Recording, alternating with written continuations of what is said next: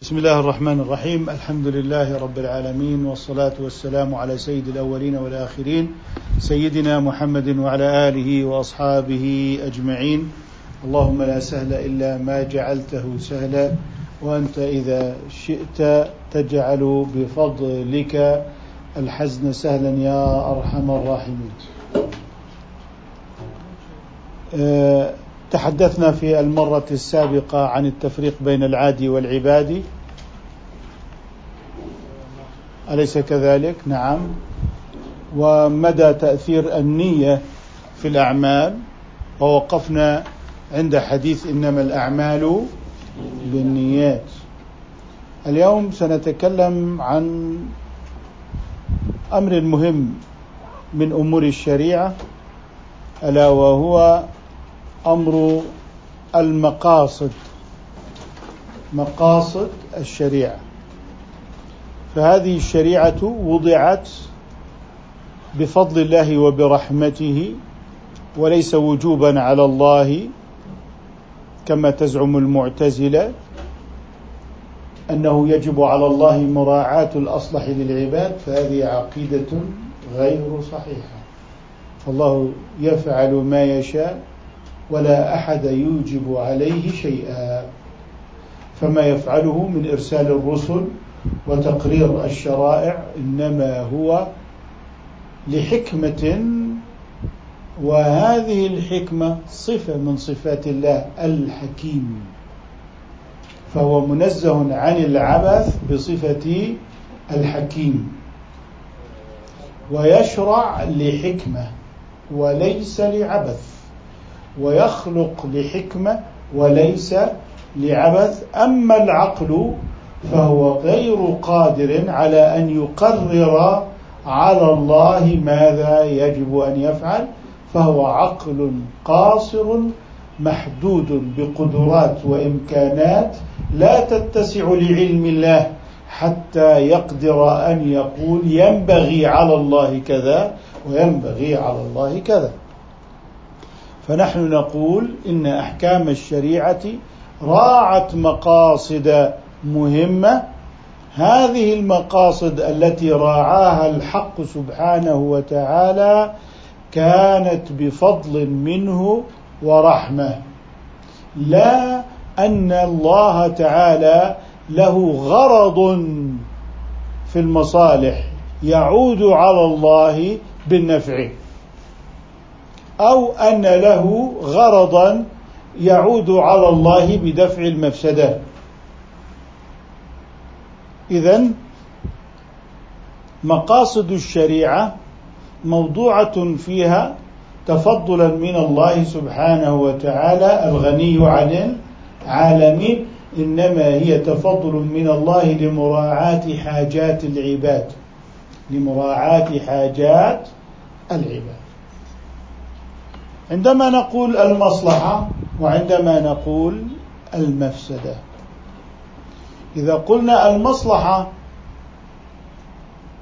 فهذا يعني أنها تعود على الإنسان بالنفع. تعود على الإنسان بالإيه؟ بالنفع. وإذا قلنا مفسدة فإنها تعود عليه بالضرر. تعود عليه بالضرر. أهم ما يمكن في هذا الباب الذي نتحدث فيه هو أننا نقرر المعنى والمفهوم للمصلحة. فقد يقول قائل إنكم تبيعون وتشترون والكفار يبيعون ويشترون.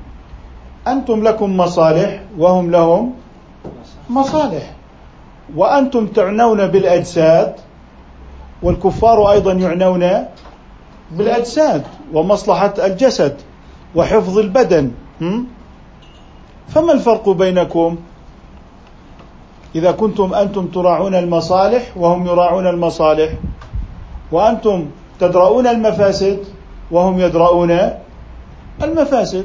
فعندما تخطط الشوارع وعندما تقام الإشارات وعندما توضع قوانين السير فهي تشترك معكم في حفظ مصالح معينة وأنتم تأخذون هذه الإشارات الحمراء والخضراء كما هي.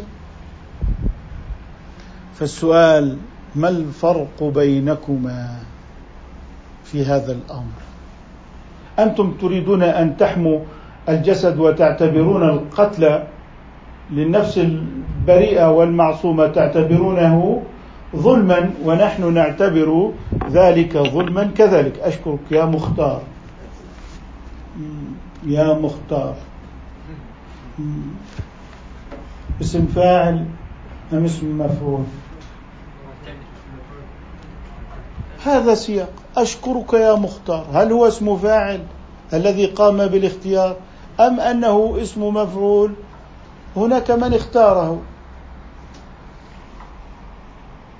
هل هو اسم فاعل أم اسم مفعول؟ اسم مفعول لماذا قلت اسم مفعول؟ قد يكون قد اختار هذا الكأس وهذا الصح واختار الوقت الذي جاء به بهذا الشاي فهو أيضا باسم الفاعل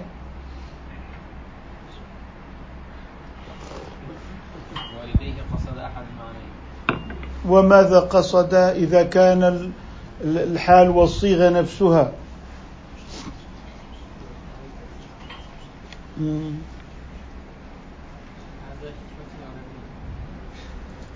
طيب. الطالب الممتحن والطالب الممتحن ما الفرق بينهم؟ اسم الفاعل واسم المفعول على شخص واحد. أنت الطالب الممتحن؟ نعم. أنت الطالب الممتحن؟ نعم.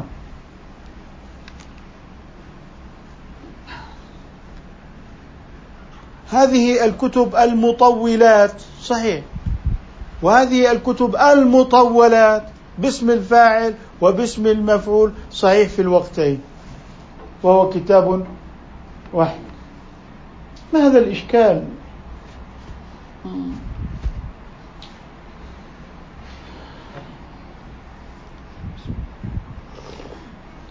كل تعليم في اللغة له نكت. ماذا تفعلون في هذه ماذا أنتم فاعلون يا معشر الترك وتدرسون العربية وتبذلون فيها الأوقات النفيسة وتقولون إنها لغة بليغة وهي لغة القرآن الكريم التي جمعت بين الشعوب الإسلامية على اختلاف أعراقها واختلاف ألوانها واختلاف آه، جذورها وجغرافيتها. وها نحن نلتبس في اللغة نفسها المختار والمختار الممتحن والممتحن. والممتحن هو الشخص نفسه والمطولات والمطولات. أظن أن الأمر يحتاج منكم إلى إعادة النظر في دراسة اللغة العربية التي تلتبس هذا الالتباس. وأنتم لا تستطيعون أن تدافعوا عن لغة القرآن.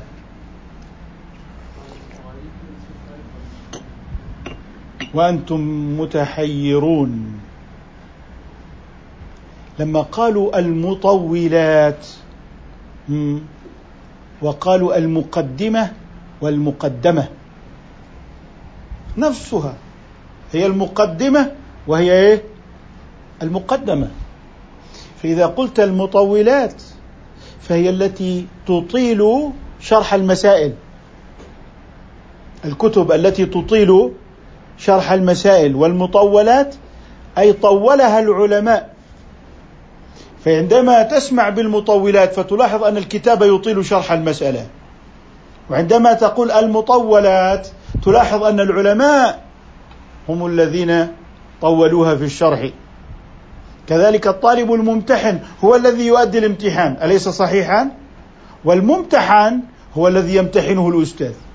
فتتصور في كلمة الممتحن الأستاذ. وفي الممتحن الطالب الذي يؤدي. واضح؟ واضح؟ والمختار. أصلها المختير. باسم الفاعل المختير. فأصل الكلمة على وزن اسم الفاعل. واضح؟ فاسم الفاعل هذه أوزانه. واضح؟ المختير. والمختير. فالمختير اسم مفعول. وأصلها المختير اسم فاعل. والمحتلل اسم الفاعل. والمحتلل اسم المفعول. وهذه الحركات في المختار والمحتل هي حركات صرفية. وليست إنما وليست أصلية إنما هي طرأت للتخفف. فبدلا من أن تقول المختير تقول المختار. الدولة المحتلة تطالب بحقوقها. أي دولة؟ المستضعفة. الدولة المحتلة تقتل المستضعفين. هي باسم الفاعل. واضح؟ ولك إن تحيرت أن تحملهما على المعنيين فهو مختار اختار لنا الشاي واختار لنا الصحن وهو مختار أيضا اختاره أستاذه ليقوم بالواجب فاحمله على المعنيين فالممتحن والممتحن أيضا انطبقتا على شخص واحد. وهذا من جماليات اللغة العربية أنها لغة اشتقاق ولغة توسع في التخفف وهي لغة جريئة. لغة جريئة. كالفارس في أرض المعركة آه، له قدرة على أن يتجول فيها وأن يحذف وأن يعكس وأن يقدم وأن يؤخر وأن يستعمل المجاز والحقيقة فهي بين يدي آه، المتكلم كالعجين. وهذه قدرة في اللغة أنها تتكيف مع مراد المتكلمين في توسعهم في تعبيرهم عن مرادهم. واضح؟ اذا تستحق منا العناء أم لا؟ تستحق منا الجهد وتستحق وتستحق. نعم. لذلك علينا أن نكتشف الفرق بين المصلحة بالمعنى الشرعي والمصلحة بالمعنى العادي. السؤال الذي سألناه أين الفرق بين المصلحة الشرعية التي يتوخاها الشارع وبين المنفعة الدنيوية التي ينادي بها اللادينيون والملاحدة لا ينادون بإفساد الدنيا بل هم يريدون دنياهم أصلا ولا يريدون آخرتهم لأنهم لا يعتقدون أن لهم آخرة. فلذلك الكل ينادي بالمصالح. وهذا من مصلحة الدولة اذا هو حقها. والمصالح المشتركة. الكل يبحث عن المصالح. السؤال الملح ما الفرق بين المصلحة التي هي شرعا والمصلحة بمعنى المنفعة الدنيوية؟ قصد الشريعة نحن نريد أن نفرق بين قصد الشريعة وقصد القانون اللاديني في الدول اللادينية. القانون اللاديني يتوخى التنظيم أليس كذلك؟ التنظيم وحماية مصالح معينة وأن يدرأ مفاسد معينة. السؤال يجاب عليه بأنه يجب أن نبحث في تفاصيل مهمة. هذه التفاصيل المهمة التي نبحث فيها في المفهوم في الخمر والميسر في الخمر والميسر. الله عز وجل قال يسألونك عن الخمر والميسر قل فيهما إثم كبير ومنافع للناس. إذا قال عن الخمر فيها منافع. وهذا أراد أن يبيع الخمر ويتجر بها قال نحن رجحنا جانب المنفعة. فهل هذا صحيح؟ نقول له إذا بحثنا في المنفعة بمعناها العادي التي يحصل بها استمتاع من جهة الإنسان فإنها موجودة ممتزجة ممتزجة بمعنى إذا بحثت في الواقع الخارجي لحياة الإنسان لا توجد مصلحة محضة ولا مفسدة محضة. مصلحة محضة بمعنى أنني أقول آه هذا الطعام فيه مصلحة محضة لا. فيه مشقة وفيه آلام وربما يؤدي بك إلى بعض الأسقام إذا أي طعام فيه مصلحة وفيه مفسدة فهو ممتزج فهو إيه؟ ممتزج أي دواء ستجد أن المصالح ممتزجة بإيه؟ بالمفاسد لكن هذا التعبير بالمعنى العادي وليس بالمعنى الشرعي ذلك الذي اشتبه عليه قانون السير بأننا متشابهون. آه، من تجاوز الإشارة الحمراء يعاقب بعقوبة كذا وكذا.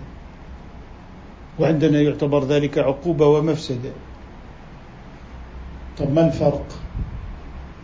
عندما ننظر إلى المنفعة والمصلحة في الوجود الخارجي من حيث وجودها خلقا. من حيث وجودها إيه؟ خلقا من الله. في الطعام وفي الشراب فهي ممتزجة بين مفسدة ومصلحة. هذا في الطعام والدواء. وهذا في اللباس. قد يؤدي بك إلى مزيد من الحرارة. مثلا قد يؤدي إلى حساسية معينة. لذلك علينا أن نفهم شيئا بشكل دقيق وهو التفريق بين المصلحة والمفسدة الموجودتين في الخارج. ما معنى في الخارج؟ يعني ليست في الذهن. في الخارج المشخص. هذا طعام هذا دواء هذا شراب هذه سيارة. صحيح. أنت عندك سيارة فيها مصالح لكن فيها مفاسد الاستهلاك. خسارة القيمة استهلاك السيارة فيها مفاسد أم لا؟ في نقص وفيه مصالح. إذا علينا أن نسلم أنه ما من مصلحة في الواقع الخارجي المشخص إلا وتشوبها مفسدة. وما من مفسدة إلا وتشوبها مصلحة. نحن نطبق عقوبة القصاص أليس كذلك؟ تلف نفس. فيها تلف نفس. هذا التلف من حيث النظر العادي المشخص فيه مفسدة أم لا؟ فيه مفسدة. كتب عليكم القتال وهو كره لكم.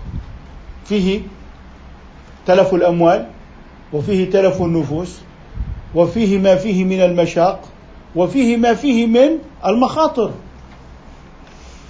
فإذا نظرت إلى الجهاد والواقع الخارجي في البيع والشراء سأجد أن المصالح والمفاسد ممتزجة. ممتزجة. طيب لو نظرنا إلى الربا فيه مصلحة؟ في الواقع الخارجي فيه؟ فيه. ها هو قد اقترض قرضا بمئة ألف واستطاع أن يقيم مشروعا وربح مشروعه وسدد الأقساط وربح ما ربح ونجح المشروع هذا مصلحة أم لا؟ كان عنده ضائقة مالية اقترض بالربا وحل الأزمة المالية مصلحة أم لا؟ إذا إذا نظرنا في الواقع الخارجي المشخص فيما يتعلق بالمصالح والمفاسد لم نجد مصلحة إلا وتشوبها مفسدة. ولن نجد مفسدة إلا وتشوبها مصلحة. وكذلك إذا نظرنا إلى الخمر والميسر. قد يقول أحدهم ربنا قال وإثمهما أكبر من نفعهما. إذا هذا دليل في الواقع على امتزاج المصلحة بالمفسدة. فإذا كانت المصلحة والمفسدة ممتزجتين.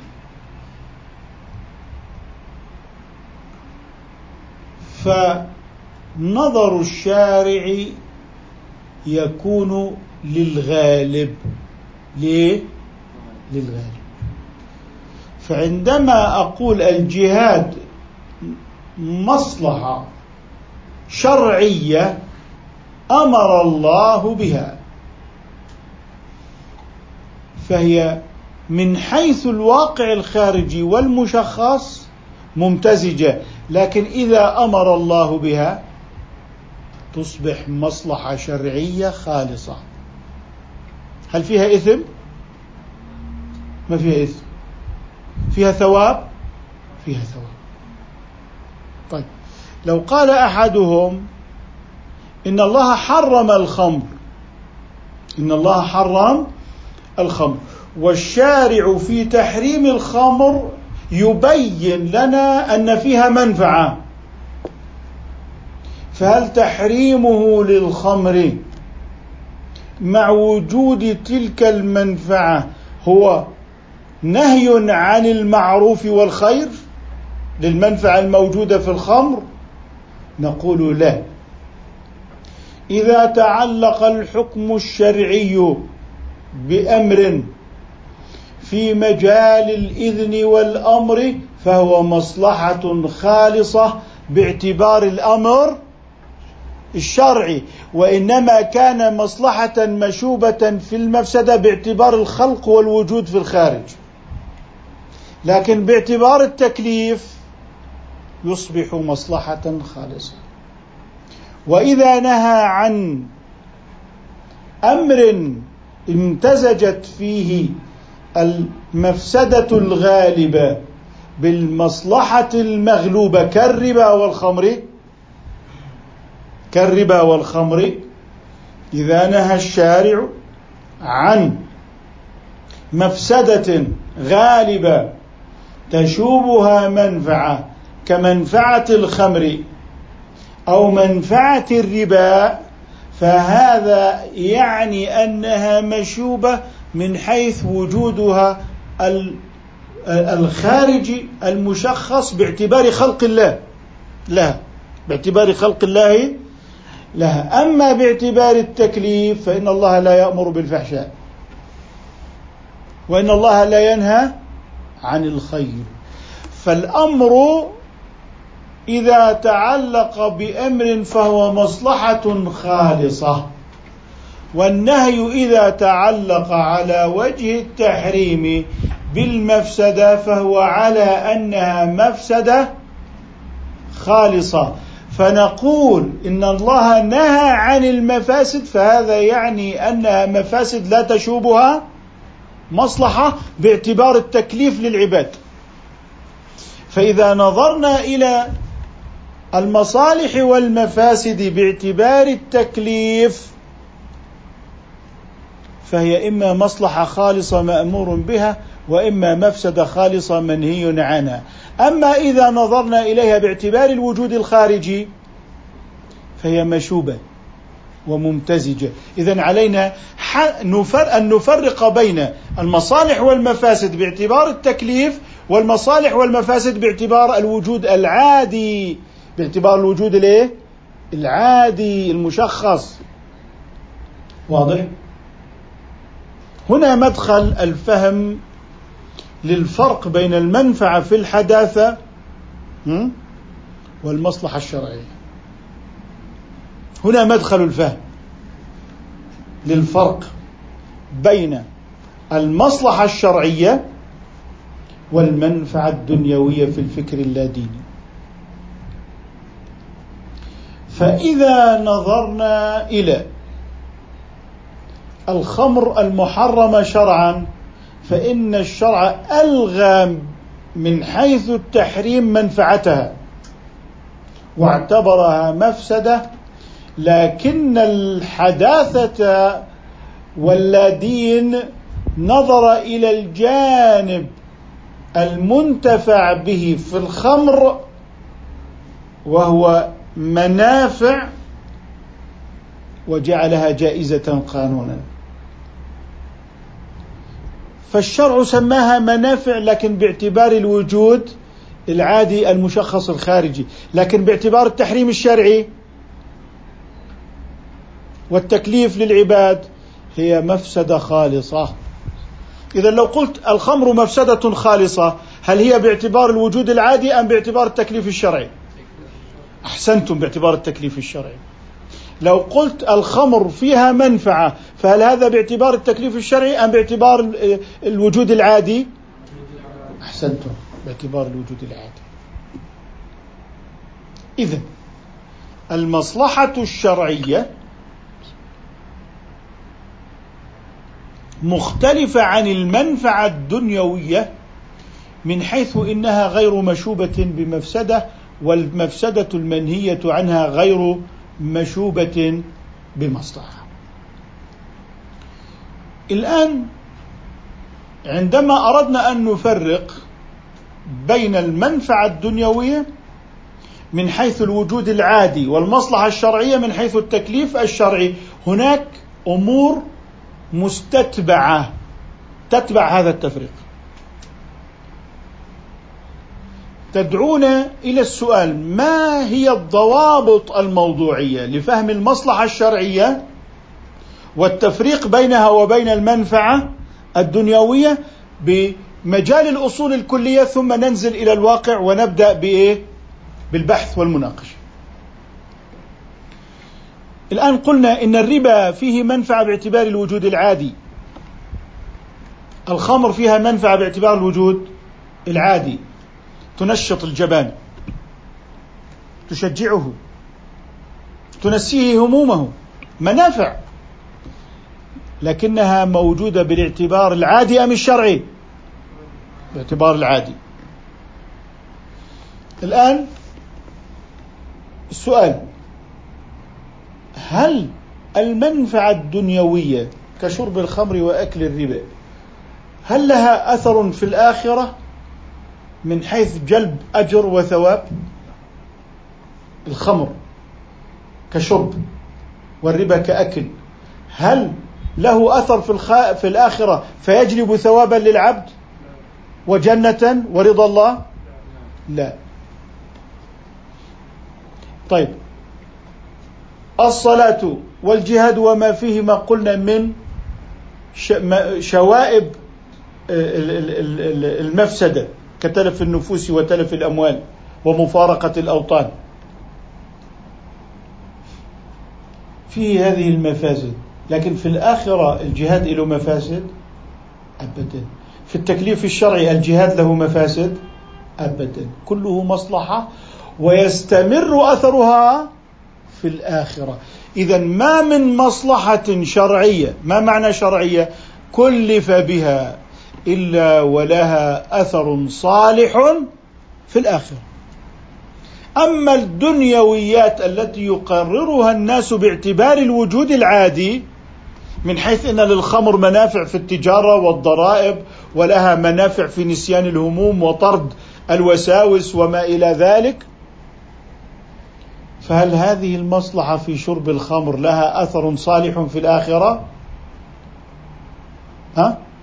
ليس لها أثر صالح في الآخرة. بل هي وبال في الآخرة. إذن هي مفسدة. إذن إن كانت مصلحة بالاعتبار العادي فهي مفسدة باعتبار الآخرة. أما المصلحة الشرعية فهي مصلحة باعتبار الدنيا مفيدة كالجهاد الذي يدفع عن الأوطان الأذى ويحمي المسلمين من تسلط عدوهم وفيه الأجر الكبير في الآخرة. اذا هو مصلحة دنيوية ولها أثر في الآخرة. هل هذا موجود في المنفعة الدنيوية كشرب الخمر؟ لا يوجد. هذا الإنسان الذي لا يؤمن بجنة ولا بنار يقف على الإشارة الحمراء ويلتزم بالقوانين. هل لهذا الالتزام منفعة صالحة في الآخرة؟ لا. إذا هي منفعة دنيوية. إذا قررنا الفرق بين المصلحة الشرعية والمنفعة الدنيوية من حيث الأثر في الآخرة. فما من مصلحة شرعية إلا ولها امتدادها وأثرها الصالح في الدار الآخرة. واضح الكلام؟ الآن لو قلت الألم في المرض الألم في المرض. باعتبار الوجود العادي مفسدة. صحيح؟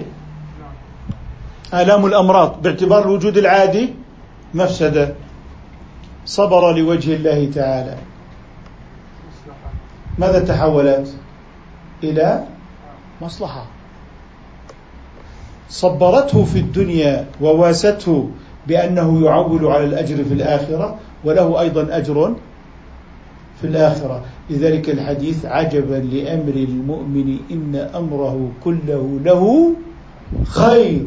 إن أصابته سراء شكر فكان خيرا لا. طب وإن أصابته ضراء صبر إذا هذه الآلام الحاصلة لمرضى المسلمين. فصبروا عليها. لها أثر في الآخرة أم لا؟ لها أثر في الآخرة أم لا؟ لها أثر صالح في الآخرة. إذا هي مصلحة. وسماها النبي صلى الله عليه وسلم خيرا. سماها النبي صلى الله عليه وسلم إيه؟ خيرا. فدائما الخير في الشريعة هو العمل الصالح. وإن كان فيه الألم وإن كان فيه التضحية والمشقة فهو يسمى عملا صالحا باعتبار أنه داخل في تكليف الشريعة وباعتبار أن له مصلحة ممتدة في الآخرة. واضح؟ إذا علينا أن نفهم المصلحة الشرعية بانضباط بانضباط. هذا الانضباط أن الآلام وأن الأوجاع وأن الفقر والمرض من حيث هو موجود من خلق الله هو ألم وهو مفسدة لكن من حيث الصبر على هذا الآذى تحول إلى مصلحة شرعية رجعنا إلى التفريق بين المفسدة العادية والمفسدة إيه؟ الشرعية والمصلحة الشرعية والمصلحة العادية. إذا هذا المؤمن الذي ابتلي بهذه المفاسد تحولت بالشرع إلى مصالح. طيب هناك مصالح قوة البدن الشجاعة المال الجاه. ما هذه من حيث الوجود الخارجي المشخص؟ مصالح ومنافع. مصالح وإيه؟ ومنافع. لكنه طغى بهذا المال. طغى وطغى بجاهه واستبد على الضعفاء. كيف تحولت هذه المنافع إلى مفاسد؟ أثرها في العقاب في الآخرة. اذا المنافع الدنيوية قد تتحول إلى مفاسد في الآخرة تعود على صاحبها بالعقاب الشديد عند الله تعالى. هؤلاء لماذا يؤثرون الإلحاد؟ لأن الإلحاد لا يوجد فيه حرام ولا حلال. كالأغنام تأكل كما تشاء. فالأغنام والحمير تأكل كما تشاء. والله عز وجل قال عنهم يأكلون ويتمتعون كما تأكل الأنعام. ما في عنده حلال ولا حرام. يعني كالغنم. الغنم لا يوجد بالنسبة لها لا حلال ولا حرام. مين اللي بالنسبة له حلال وحرام؟ المؤمن. وبالتالي أصبح استمتاعه بالحرام. ومن ثم له عقوبة في الآخرة. إذا هي ملذة في الدنيا مفسدة في الآخرة. أما المصلحة الشرعية فهي مصلحة في الشريعة مصلحة في الآخرة. هذه فوارق جوهرية بين المصلحة الشرعية آه، المنفعة الدنيوية. يعني سيقول لك آه، لماذا لا نفتح الخمارات وهي تجلب لنا الضرائب والرسوم والفوائد لخزينة الدولة؟ تقول له من حيث الوجود العادي هذا صحيح لكن من حيث الأثر الشرعي في الآخرة هذه مفسدة. وأيضا لو أننا تأملنا أكثر لوجدنا أنك بتشريع هذه المادة السامة أنك تخسر دنيويا. ارجع إلى سجلات حوادث السير. وانظر إلى خسارتك في الأنفس والأموال والأسرة في الشؤون الاجتماعية بسبب الخمر. ستجد أنك خسرت أموالا كثيرة خسرت أموالا كثيرة وكان فوزك ونجاحك هو في في تحريم ما حرمه الله. حتى في الدنيا. لذلك تنقلب المنافع الدنيوية إلى مضار دنيوية. تنقلب إلى إيه؟ إلى مضار دنيوية أيضا. فمن هنا نحن قلنا إن المصلحة والمفسدة باعتبار وجودهما الخارجي آه، مشوبتان ممتزجتان. باعتبار التكليف فإن الله إذا أمر فإنها مصلحة محضة. وإذا نهى فإنها مفسدة محضة غير مشوبة. طب لماذا نقول إنها مفسدة محضة غير مشوبة؟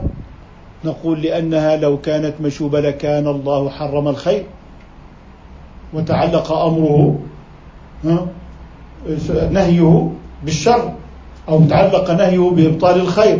طب لو قلت إن الجهاد فيه مفسدة لكان الله آمرا بمفسدة. فمن حيث تعلق التكليف يصبح الجهاد مصلحة محضة ولا يجوز أن يكون فيه المفسدة لأنه لو كانت فيه المفسدة من حيث التكليف لكان الله آمرا بالسوء وسبحانه أن يأمر بالسوء لكنه موجود وجودا قدريا في الخلق وليس في التكليف. أرجو أن تكون هذه النقطة المحورية مهمة جدا بالنسبة لكم ومفيدة ومنطلق ضروري لفهم الفرق بين المصالح الشرعية والمنافع في الحداثة.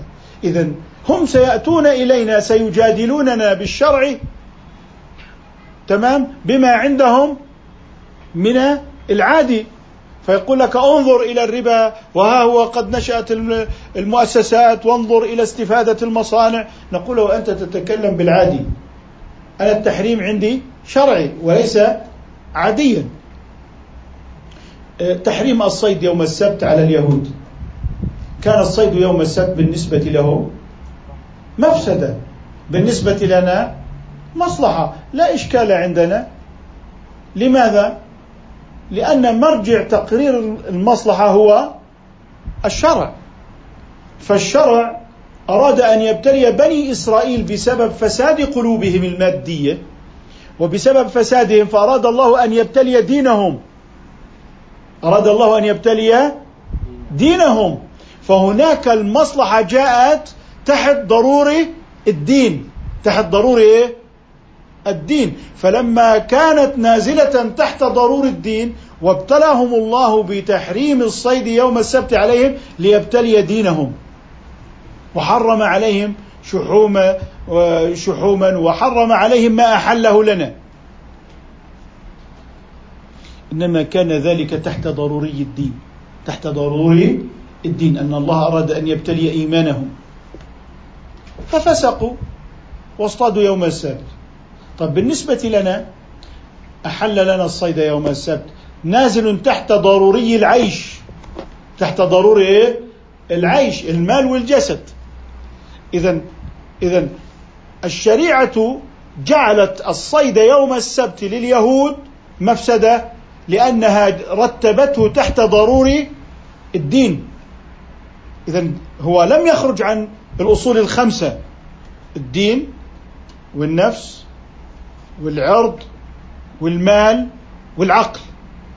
فلما حرمت الصيد يوم السبت على اليهود إنما جعلته تحت ضروري الدين لابتلاء دين القوم هل هم آه، أصحاب استقامة أم لا؟ بالنسبة لنا لم يغير ضروري حفظ الدين إنما رتب الجزئي وهو الصيد يوم السبت رتبه الشارع تحت حفظ النفس وتنمية المال. إذا انظروا إلى الشريعة. عندما تكون هي المرجع في تقرير المصلحة. فعندما كان صيدهم يوم السبت مفيدا لهم في دنياهم لكنه يتحقق به الاختبار في آخرتهم. الشريعة رتبت هذا الجزء تحت ضروري الدين. عندنا رتبته تحت ضروري حفظ النفس وتنمية المال. لاحظ؟ اذا حفظ النفس شرعي. وتنمية المال شرعية. وحفظ الدين شرعي.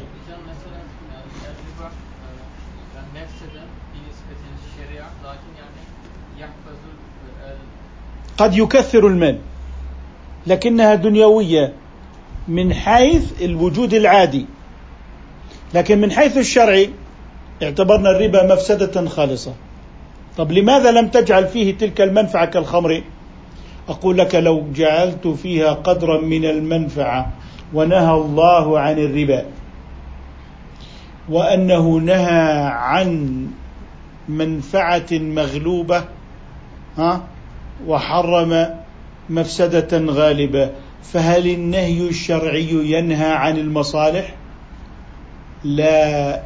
ولا يمكن إنما المفاسد موجودة باعتبار الوجود العادي القدري الذي هو خلق إلهي.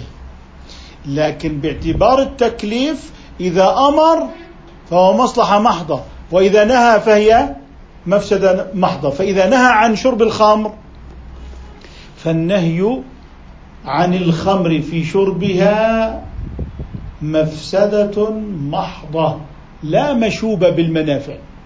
إنما تكون مشوبة ممتزجة بالمنافع بالوجود الخارجي المجرد عن التكليف. بحثنا مع اللدنيين والحداثيين أنهم يريدون أن يقرروا الأحكام على وفق الوجود العادي. فقلنا لهم إن الوجود العادي ما من مصلحة إلا وهي مشوبة بمفسدة وما من مفسدة إلا وهي مشوبة. بمصلحة. إذا سيذهب الناس مسلك الترجيح فإذا رجحت المصلحة فأنت مصيب وإذا رجحت المفسدة فأنت مصيب. وبعد ذلك إذا اعتبرنا هذا الوجود العادي لهذه المصالح إذا لا يوجد خطأ. لأنك مرجح لمنفعة في الخمر. والشريعة قررت وجود منفعة لكنها قررتها بالوجود العادي لا باعتبار التكليف بالنهي عن شربها. فالتكليف في النهي عن شربها يجعلها مفسدة خالصة غير مشوبة. واضح الكلام؟ إذا لو قلنا باستبعاد التكليف الشرعي وذهبنا لنبحث في الوجود العادي من رجح منع الخمر فهو مصيب باعتبار المفسدة الغالبة. طيب من رجح منفعة الخمر فأجازها فهو أيضا مصيب. فصار منع الخمر وإباحتها كلهم مصيب باعتبار الإيه؟ الوجود الخارجي المشخص. نقول هذا متصور في ظل عدم وجود تشريع إسلامي. لكن مع التشريع تصبح الخمر مفسدة خالصة إذا نهى عنها الشارع وحرمها. والجهاد يصبح مصلحة خالصة. لماذا لو قلت الجهاد فيه المتالف والمفاسد من هلاك النفوس وتلف الأموال لكان الله امرا بالتلف وامرا بالفساد. وحاشاه أن تدخل إرادته الأمرية هذه الأمر أو هذا الأمر بالمفاسد. لذلك قلنا إن الله إذا أمر بأمر فهو مصلحة محضة وإلا لو شابت المأمور به مفسده مغلوبة لكان امرا بتلك المفسدة وهذا باطل لأنه يدعي أن الله يأمر بالفحشاء. تفضل.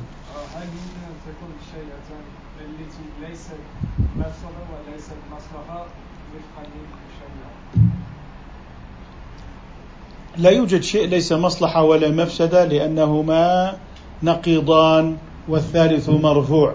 الثالث مرفوع. يعني عندما أقول لك الجسم إما ساكن وإما متحرك هل توجد حالة ثالثة؟ الثالث مرفوع. أنت موجود أو غير موجود؟ في هناك حالة ثالثة؟ الثالث مرفوع. لاحظ عندما تتكلم في مبادئ العلم عليك أن تفهم ثلاثة ثلاث قضايا مهمة. أولا الحقائق ثابتة. والعلم بها متحقق. هذا واحد. اثنين لا يجتمع النقيضان ثلاث الثالث مرفوع. لا تقل لي في شيء له خالق وله مخلوق. وله وجود طبعا. أه؟ له خالق وله مخلوق. يعني تقول لي العدم العدم آه ليس مخلوقا. العدم لا شيء هو الخلاء. اذا أنا لا أتكلم عن أنا بقول لك في شيء موجود العدم ليس موجودا صحيح؟ تقول لا هو خالق ولا هو مخلوق. هذا باطل الثالث مرفوع. وبالتالي الآن إما أن يكون مصلحة مأمورا بها وإما أن يكون مفسدة منهيا عنها. يعني سؤالك أنه هل يوجد شيء ليس مصلحة ولا مفسدة أليس كذلك؟ بلى. واضح؟ إذا نقول الثالث مرفوع. هذا الذي آه، أعمله إما أن يكون مصلحة وإما أن يكون مفسدة. الثالث مرفوع. الثالث مرفوع. وهذا من مبادئ وأساسيات العلم. تفضل. أي غير موجود. آه، رفع عن أمتي. ها رفع. رفع عن؟ أمتي. أي لا يوجد عليهم إثم. آه، واضح؟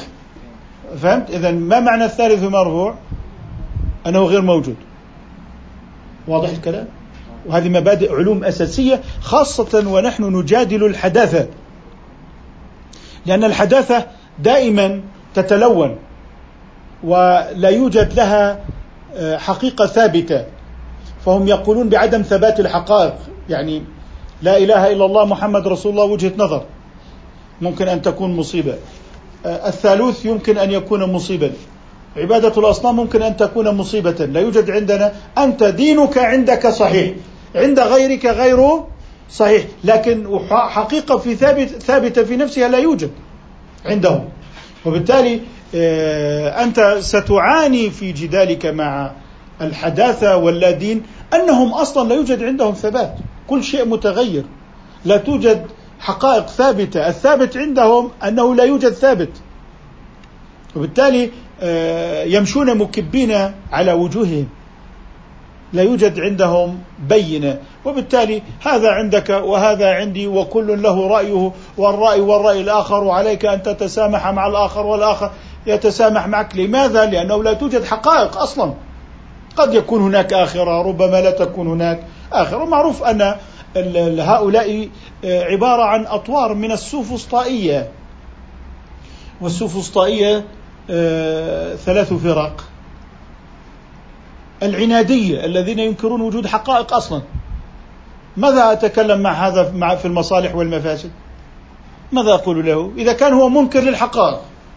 يعني لا توجد حقائق. يعني أنت الذي رأيتك في المحاضرة السابقة لست أنت الذي أراه الآن.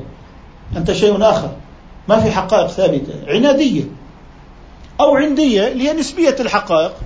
أنت تعتقد الإله واحد أنا هذا يعتقده أربعة هذا يعتقده عشرة وهكذا القضية قضية نسبية أنت تراني كافرا وأنا أراك كافرا فالقضايا إيه؟ نسبية ولا توجد حقائق هذه هي إيه؟ العندية وهذه فرقة منهم واللا أدرية يعني مللنا من البحث ولم نظفر بشيء إذا أفضل شيء لنا لا ندري أفضل شيء لنا إيه؟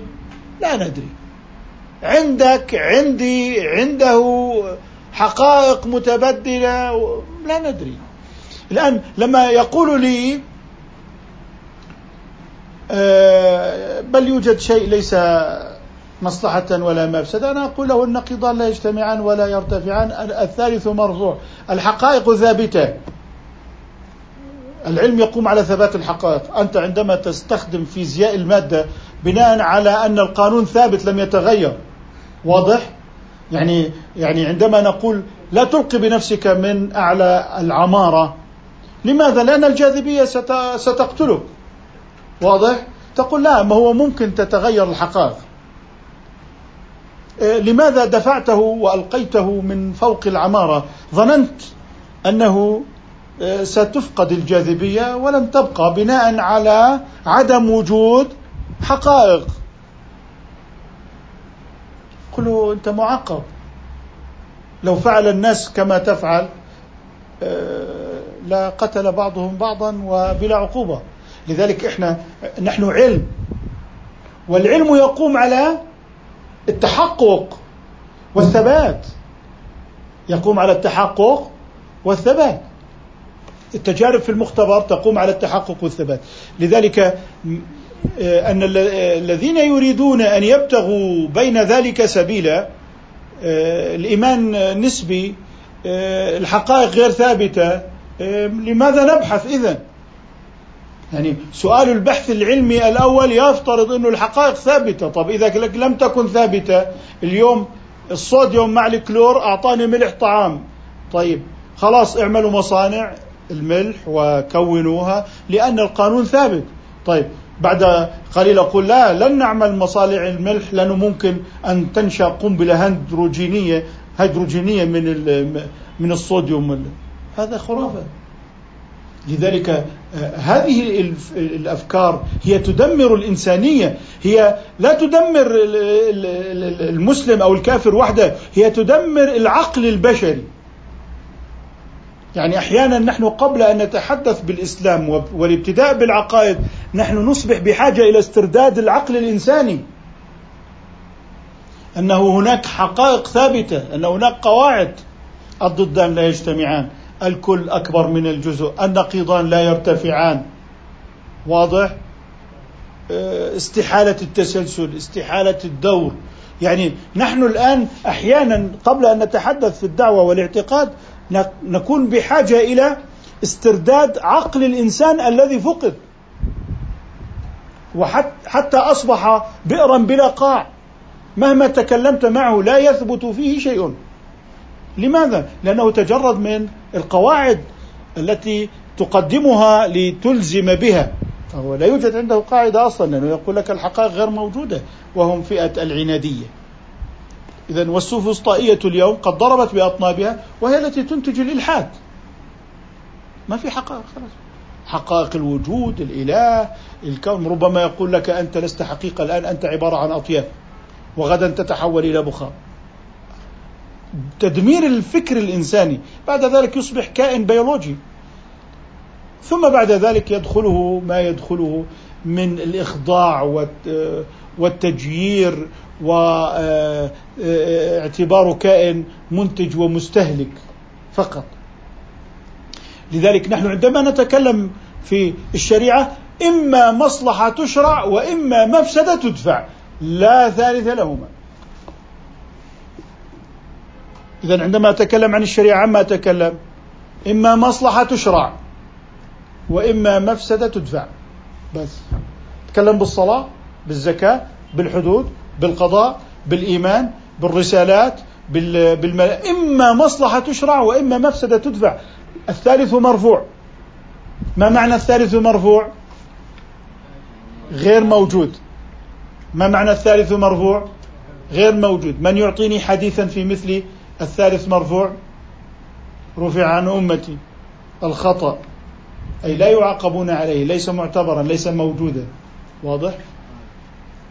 إذا هذه الشريعة قامت على جلب المصالح لكن ليست بالرؤية الإنسانية لماذا؟ لأنه يشترط فيها أن تكون ممتدة إلى إيه؟ الآخرة فإن كانت ممتدة إلى الآخرة فمن الذي يعينها؟ الذي يعلم العواقب في الآخرة وهو الله سبحانه وتعالى إذا نصبح أمام ميزة وخاصة مهمة أن المصالح الشرعية منفعتها ممتدة في الآخرة واضح وهذه المقاصد جميعا منفعتها ممتدة.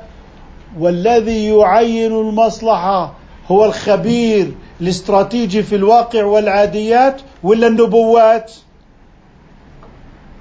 من الذي يعين المصلحة الممتدة في الآخرة؟ النبوات. أم الفيلسوف؟ النبوات أم الخبير الاستراتيجي؟ النبوات أم الخبير الاقتصادي؟ النبوات أم الخبير القانوني؟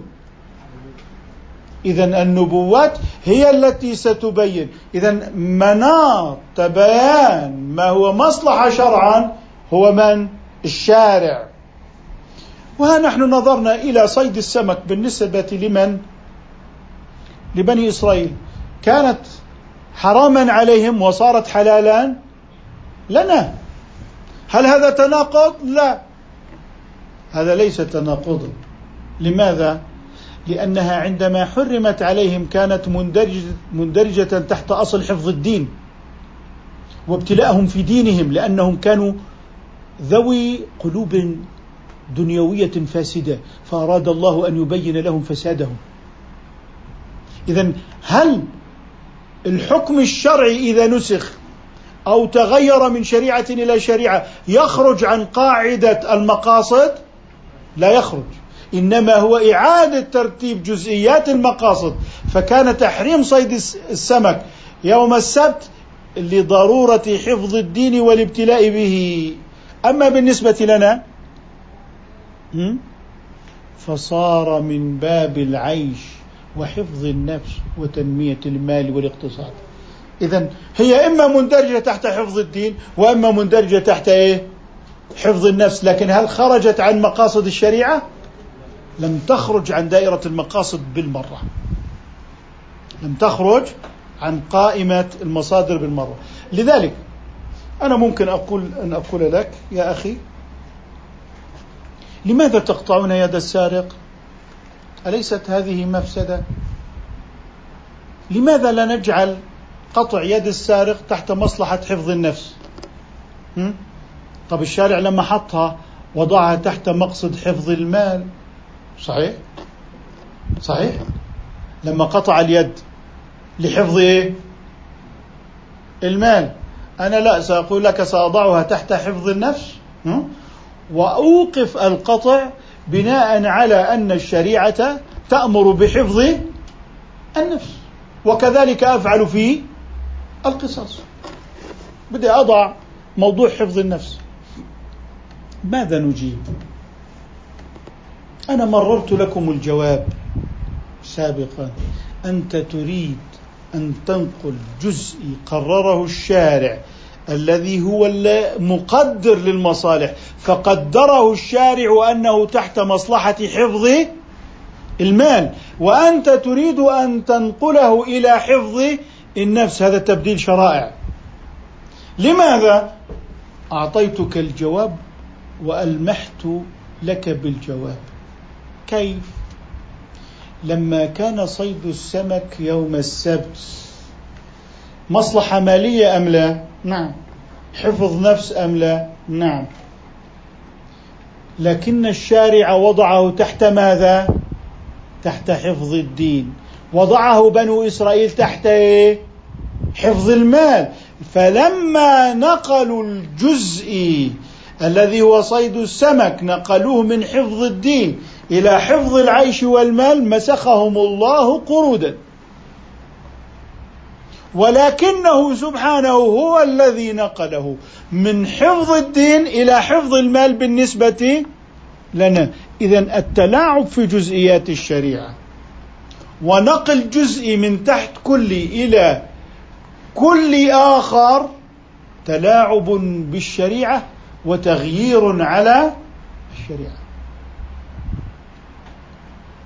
إذا الذي يريد أن يقول لا نريد أن نقطع اليد التي جعلها الله تعالى تحت حفظ المال نريد أن ننقلها إلى ضرورة حفظ النفس. حفظ النفس يقتضي عدم قطع اليد. نقول له لم تختلف عن بني إسرائيل فقد نقلوا صيد يوم السبت من الابتلاء في الدين وضروري حماية الدين إلى كلي آخر هو إيه؟ حفظ النفس وحفظ المال فأنت لم تختلف عن الذين اصطادوا يوم السبت واحتالوا في هذه الطريقة التي تغير وتتلاعب بالجزء الشرعي الذي قدره الشارع هنا تحت هذا الكل فأردت أن تصرفه إلى كلي آخر. خذ مثالا آخر. الآن العارية لا العارية بدون ألف العارية أنك أنت تأتي إلى جارك الذي له شجر رطب. وعندك تمر. وتشتري الرطب بالتمر. وتحذر أن هذا قريب من هذا في في الكيل. ما حكم بيع الرطب بالتمر شرعا؟ حرام. حرام. طب في العرية؟ جائز. عجيب. رطب بتمر هنا حرام وهنا رطب بتمر إيه؟ جائز. كيف هذا؟ الشريعة هي التي ترتب وهذا كله ما زال تحت عنوان إيه؟ تحت عنوان ماذا؟ أن الذي يقرر المصالح والمفاسد هو من؟ النبوة. والشرع وليست الخبرة الاقتصادية. مفهوم؟ طيب. عندما أقول لك هذه مئة دينار بمئة دينار بيعا إلى أجل. وهذه مئة دينار بمئة دينار قرضا إلى أجل. ما الفرق؟ مئة بمئة صحيح؟ هذا قرض جائز هذا بيع حرام. هذه مئة بمئة وهذه مئة بمئة. واضح الكلام؟ واضح؟ قرض أي دين مفهوم؟ طيب الشارع لما وضع القرض مئة بمئة وضعه تحت جانب المعروف. تحت جانب المعروف. وأما بالبيع فهو وضعه تحت جانب المماكسة والمعاوضة فحرمه معاوضة معاوضة لأن فيه التكسب. وأباحه قرضا لأن فيه إيه؟ المعروف. وأن المقرض لا يقصد إلا وجه الله بقرضه. مفهوم؟ نرجع إلى العرية. العرية رطب بتمر جائز ولكنها بالبيع مماكسة غير جائز. مماكسة يعني مغالبة ومساومة وقصد الربح. لماذا؟ لأنها صارت في جانب المعروف. صارت في جانب المعروف.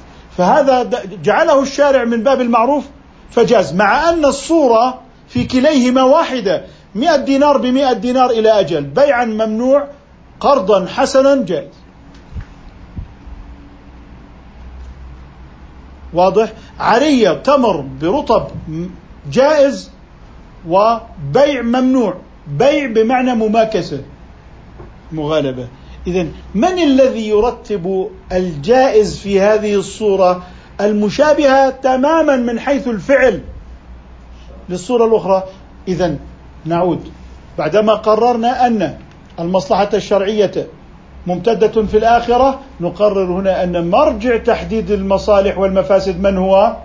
الشرع وليس الفلسفة. وباعتبار التقدير الشرعي لا باعتبار الوجود العادي. من حيث تغليب جانب المفسدة أو جانب المصلحة. ممكن بلدان تحرم الخمر من باب أنه فيها مفسدة. ممكن بلدان تبيح الخمر من جانب فيها منفعة. كلاهما ليس شرعيا. كلاهما ليه؟ لأن هذاك مرجعه ليس شرعيا. الذي منع الخمر لأضرارها مرجعه ليس شرعيا. هو مقر بمنفعتها وأنه في حكمه مقر بوجود منفعة لها. نحن نقول بالتحريم نقول لا يوجد لها أدنى منفعة لأن الله لا يأمر بالفحشاء. ولا ينهى عن المصالح والخيرات من حيث تعلق الأمر والنهي. إذا المفسدة الموجودة في الخارج هي مشوبة باعتبار الخلق الإلهي كخلق الشيطان وخلق الخنزير وخلق الأطعمة وخلق كل هذه مشوبة بمفاسد ومصالح وممتزجة. أما من حيث التعلق الشرعي فهي ليست كذلك. واضح؟ طيب. بقي الفرق الثالث. المصلحة الشرعية عامة. والمصلحة الدنيوية فئوية. فئوية. يعني لفئة بعينها لفرقة بعينها لجماعة بعينها.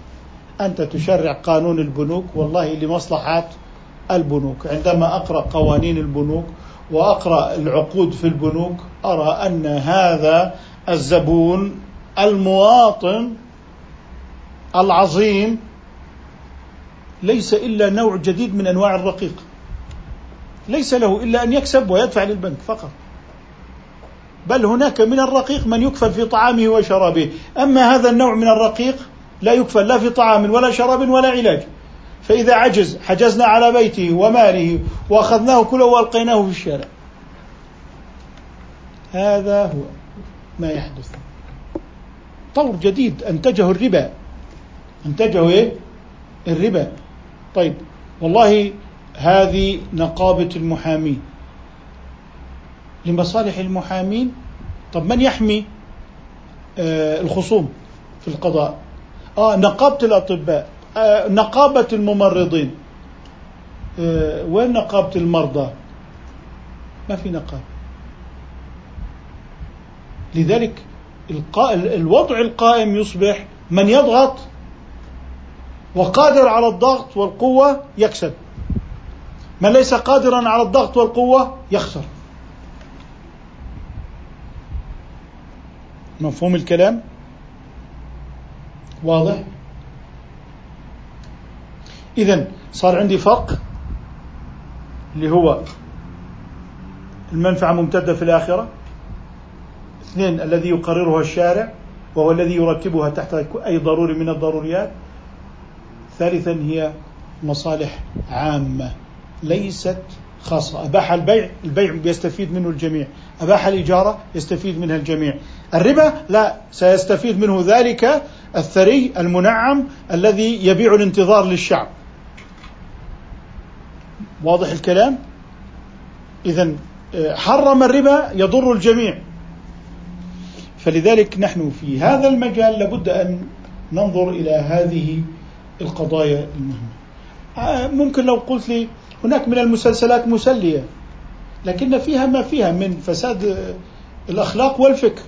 أقول لك نعم مسلية من حيث الوجود الخارجي آه، موجودة فيها منفعة لكن من حيث التحريم الشرعي لا منفعة فيها.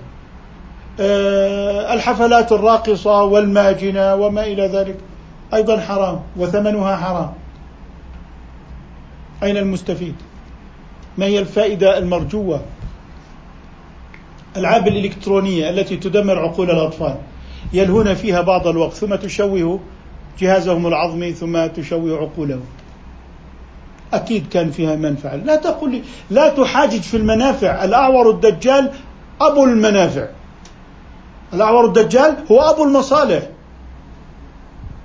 يأمر السماء أن تمطر فتمطر والأرض فتنبت وتتبعه كنوز الأرض ويأتي إلى الدار أو القرية آه، الخاربة فيؤمن به أهلها. فإذا بها تتحول إلى دار غناء وراغدة وعيشها واسع. هل هذه مصالح؟ أم مفاسد؟ ممتدة للآخرة؟ لا. بالعكس. هي في باطنها المفسدة لكنها ظهرت لأهلها أنها مصالح لكنها كانت مؤقتة مش دائمة. المصلحة الشرعية دائمة لأنها ممتدة إلى الدار الآخرة نكتفي بهذا القدر إن شاء الله. سبحانك اللهم وبحمدك نشهد أن لا إله إلا أنت نستغفرك ونتوب إليك.